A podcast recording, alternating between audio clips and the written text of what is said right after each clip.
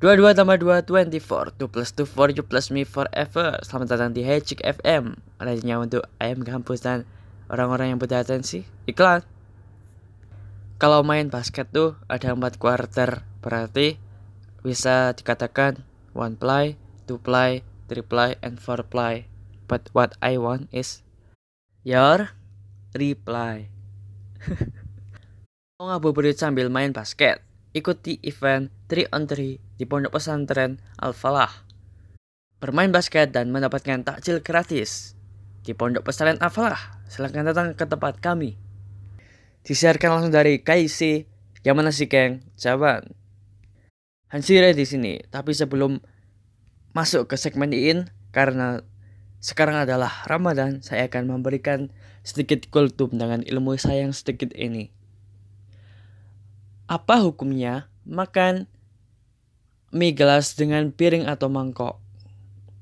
Jawabannya adalah itu tidak berdosa, tetapi dolim karena menempatkan sesuatu tidak pada tempatnya. Seperti kau menempatkan hatimu kepada dirinya yang tidak membuka ruang untukmu. itu dolim, dek. Oke, jadi saya akan merekomendasikan buku yang berjudul The Mystery of Capital, Why Capitalism Triumph, in the West and Fell Everywhere Else, karya Hernando de Soto. Buku ini membahas tentang kapitalisme, bagaimana bisa kapitalisme jaya di barat tapi tidak di tempat lain. Jadi sebelum mengulik buku ini sebentar, sepertinya kita harus tahu apa itu kapitalisme. Tentu saja kalian pernah mendengarnya. Jika kita membaca di Wikipedia, kapitalisme adalah sebuah metode mode produksi yang bertujuan untuk meraih keuntungan sebesar-besarnya dengan biaya produksi sekecil-kecilnya.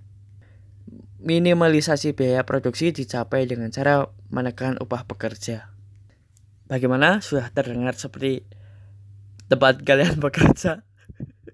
Oke, contoh ringannya adalah seperti ini. Jika kamu bisa memiliki sebuah coffee shop dan kemudian coffee shopnya itu laku banyak yang datang dan tempatnya cozy. Terus dalam satu bulan kalian mendapatkan kamu mendapatkan keuntungan 100 juta rupiah itu.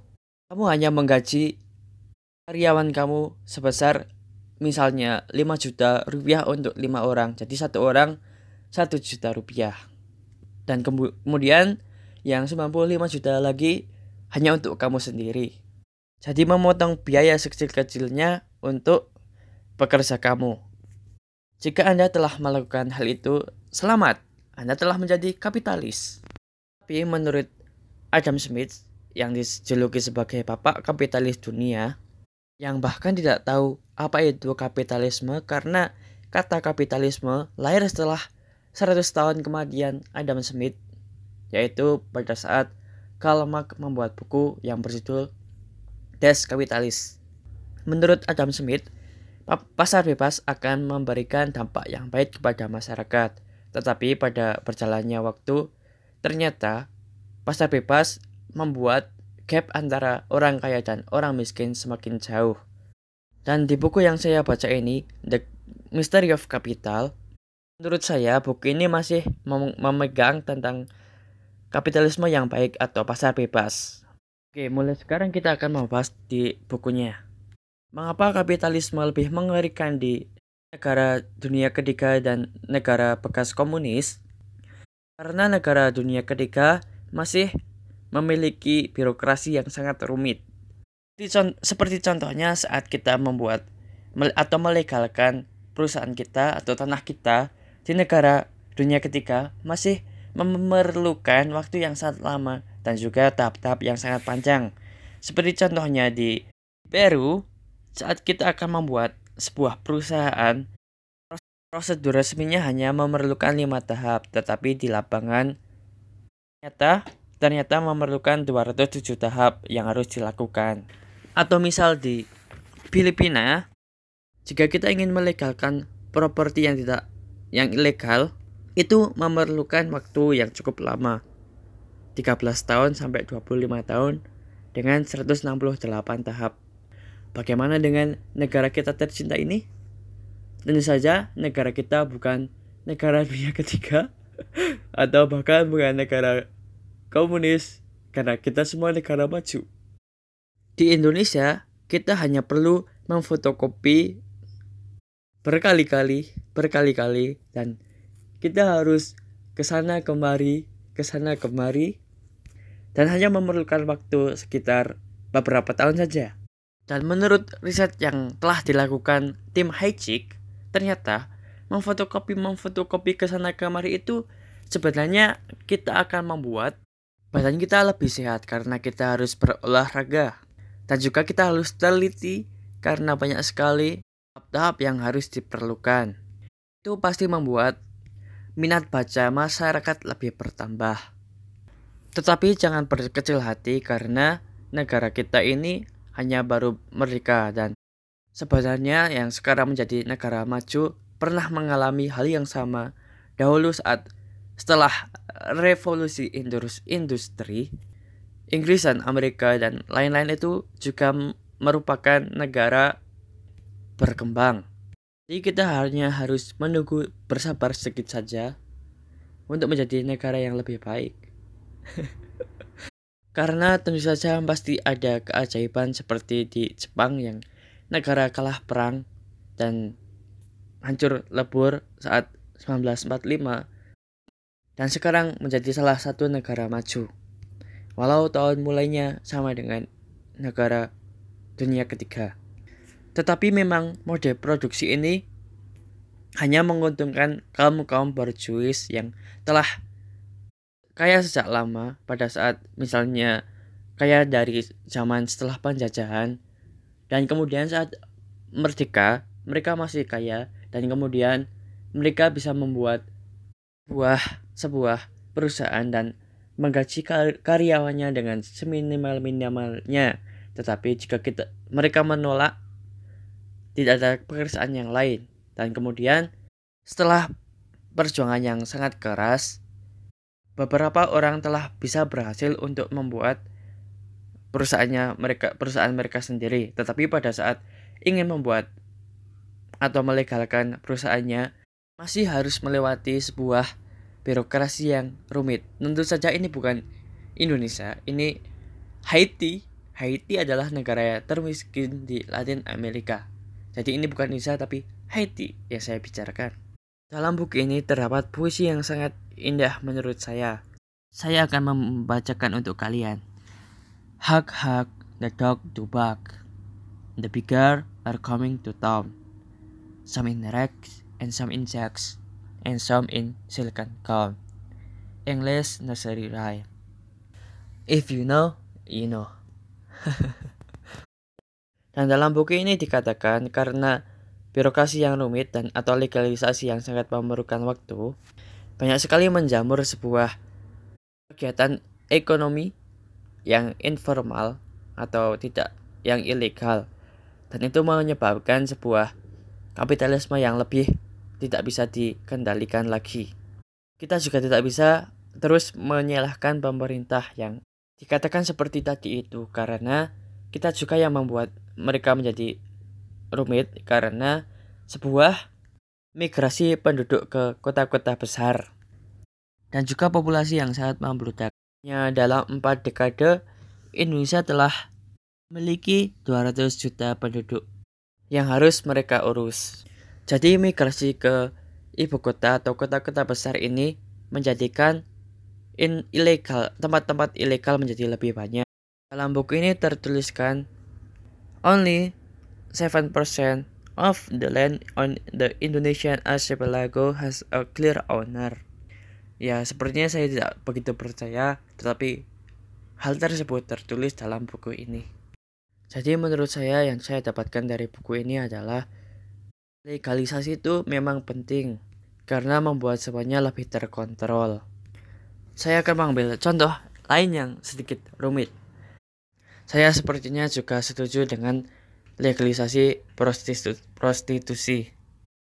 Kenapa? Karena jika kita membiarkan orang-orang musur seperti contohnya Dolly, apakah prostitusi juga berakhir? Menurut saya tidak. mereka hanya berpindah ke tempat lain dan tempat itu menjadi lebih berbahaya karena mereka tidak tahu akan menularkan penyakit-penyakit lain kepada tempat di tempat-tempat yang lain. Dan karena jika prostitusi terlegalisir itu kan lebih aman karena jika ada yang kena HIV AIDS tidak bisa bekerja lagi atau yang masih di bawah umur tidak bisa bekerja. Karena negara-negara yang telah melakukan legalisasi prostitusi telah menurunkan angka HIV AIDS di negara mereka dibandingkan negara yang banyak open BO. Oke, itu saja. Ini buku yang berat menurut menurut saya. Tapi jika Anda, anda ingin membaca The Mystery of Capital, Where Capitalists Triumph in the West and Fail Everywhere, everywhere Else, karya Hernando de Soto. Pesan terakhir, sesulit-sulit apa pun ekonomi kamu, jangan sampai open BO cantik. Dan juga jangan menjadi kapitalis. Dan selamat berbuka puasa. Jangan lupa ikro. In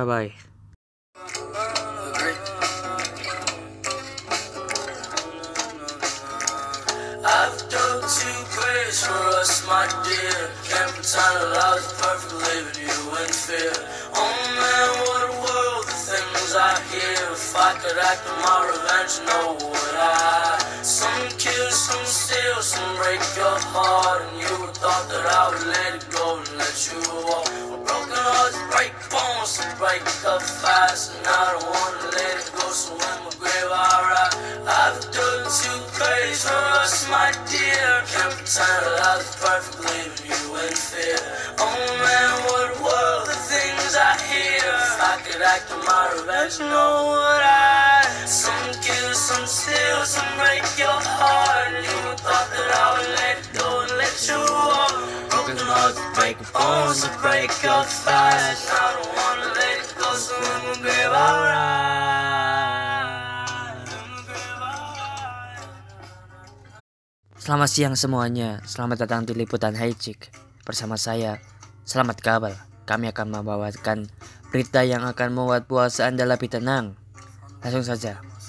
Anggaran 48 miliar untuk Gordon anggota DPR Sekali lagi Anggaran 48,7 miliar untuk Gordon anggota DPR Seperti diketahui DPR seperti diketahui, DPR menyediakan lagu pagu anggaran sebesar 48,7 miliar untuk pengadaan gorden di 505 unit rumah jabatan anggota DPR di Kalibata, Jakarta Selatan, di mana satu rumah akan mendapatkan satu set gorden senilai sekitar 90 juta jika dengan dengan pajak.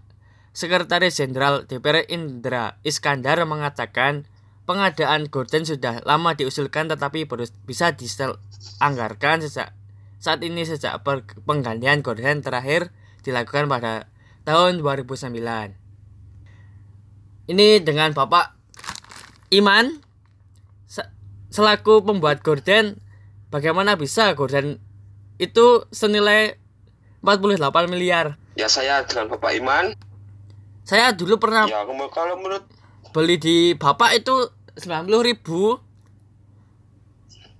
Ya kalau gorden itu rata-rata nilainya ya 100 ribu 200 ribu itu sudah mahal tapi kalau sudah mencapai 45 juta ya 48 miliar pak oh 48 miliar itu satu korden. Itu untuk 505 unit rumah. Oh. Satu gorden ya menurut saya itu 90 juta. Nah, menurut saya itu kemahalan mungkin bahannya dari emas mungkin atau berlian. Oh iya berarti itu. berarti intinya itu ini oh, maksud DPR yang baik itu pasti membuat apa pergerakan ekonomi lebih lancar gitu. Ya kan Pak sebagai pengamat ekonomi dan juga pembuat gorden apakah Bapak setuju? Kalau menurut saya itu ya mungkin itu gorden itu membawakan rezeki ya. Oh iya untuk, iya. Untuk untuk si pemilik. Dan masyarakat kan ada sekitar... orang yang lihat. Itu kan ada orang yang lihat di rumah lihat wah gordennya bagus. Itu pelihara apa tuyul apa apa mesti itu kan jadinya mungkin rezekinya lancar Ya dan tapi banyak orang kan pen- penasaran datang berarti ini dari kan dari pajak kita sendiri. Berarti ini kita setuju dengan pajak kita dibuat untuk gorden. Setuju, ya menurut saya setuju kan Pak? ya kalau saya itu setuju setuju aja Ya soalnya kita juga bayar pajak itu emang buat beli gorden DPR. ya kan kita, kita itu kan apa kan kita jadi orang yang biasa kan bukan anggota DPR kan ingin juga apa mendapatkan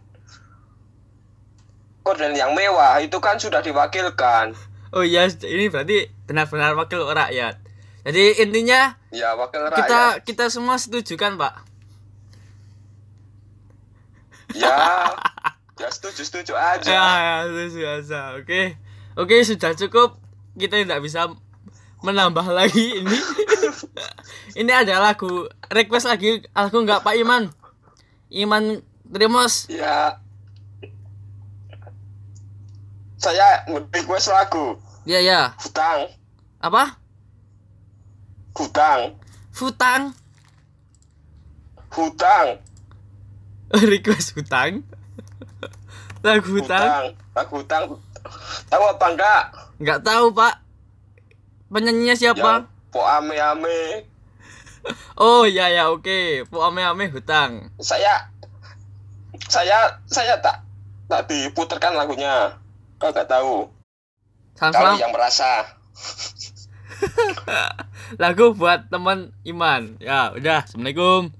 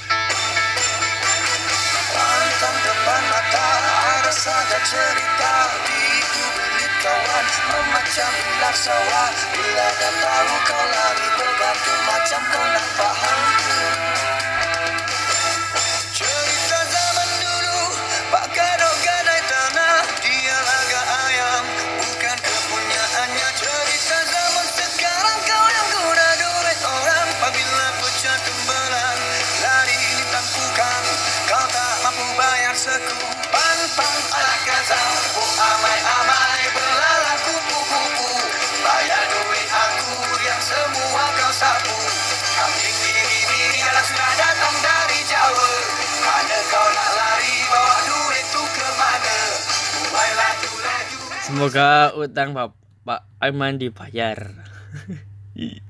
Selamat malam, selamat datang di Hijik Overthinking. Apa kalian sudah sholat terawih? Overthinking, overthinking. Jika kalian mengecat ulang kamar kamu, maka kamar kamu akan mengecil. Terus mengecil, terus mengecil. Saya dan di antara kalian suka membeli susu Indomil. Apakah susu, susu yang pernah kita minum berasal dari sapi yang sama? Oh. Kamu bisa membuang kerikil ke dalam danau atau sungai. Tapi itu membuat menjadi kita adalah orang terakhir yang pernah menyentuh batu tersebut sampai kiamat. Jatuh, jatuhnya kapal Van der Wijk atau Titanic adalah sebuah keajaiban bagi lobster yang di dapur. Hari ini kamu akan melupakan sesuatu yang kamu ak- tidak akan pernah mengingatnya sampai kapan pun. Ke mana hilangnya semua ingatan yang pernah kita ingat? Apa warna sebenarnya dari kaca? Saya tidak tahu. Jika ka- jika kaca jatuh, kaca tidak pecah, tetapi multiply. Bagaimana di dunia ini jika hanya kita yang sebenarnya hidup dan orang lain adalah imajinasi. Bagaimana kita bisa meyakinkan, bisa yakin orang lain hidup. Kita tidak bisa menggerakkan tangan orang lain, walaupun kita bisa masuk ke pikirannya, itu tetap saja kita yang menggerakkan tangan tersebut. Sepertinya sudah terlalu panjang. Terima kasih telah mendengarkan sampai sini. Jangan lupa di follow, di rating dikasih bintang, terus di share ke teman-teman kalian. Nantikan lagi Hejik FM selanjutnya minggu depan hanya di Hejik podcast Hejik Spotify. Selamat menjalankan ibadah puasa. Arigatou gozaimasu. Sore dewa. Jane.